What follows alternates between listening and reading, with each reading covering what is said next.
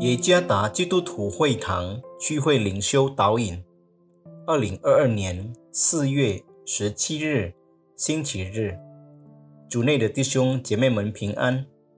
今天的灵修导引，我们要借着圣经诗篇六十篇十二节来思想今天的主题：与神得胜。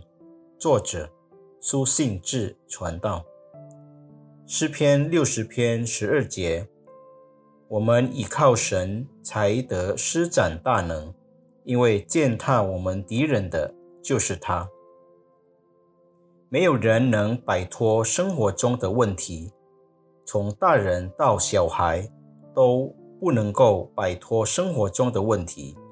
每个人一定有一两个经常让他愁苦而觉得生活很难过的挣扎，但。需要注意的重要事情是，不是他问题，而是我们如何克服问题，使能获得胜利。诗篇第六十篇的背景是当大卫和以色列人正在与从北方进攻的亚兰人交战，而以东人也开始从南方进攻，以色列人面对强硬的攻击。甚至已在大败的阴影下。虽然大卫以前曾多次战胜他的敌人，当大卫和以色列人在一次又一次的胜利中面对失败的威胁时，大卫相信上帝将赐给他胜利的应许，并按照上帝的应许凭信心行事。大卫求上帝的帮助。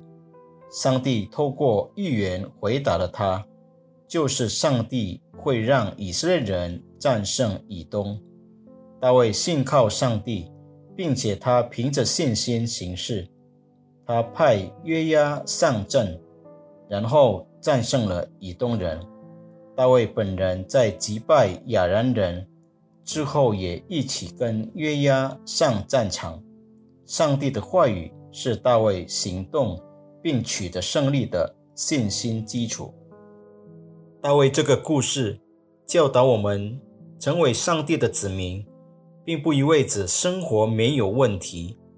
即使我们与上帝有亲密的关系，我们仍然还会在这一生中遇到问题。但我们可以从大卫的这个故事中学到三个重要的教训：第一，记住，只有上帝才能给予胜利。第二，仰望上帝吧。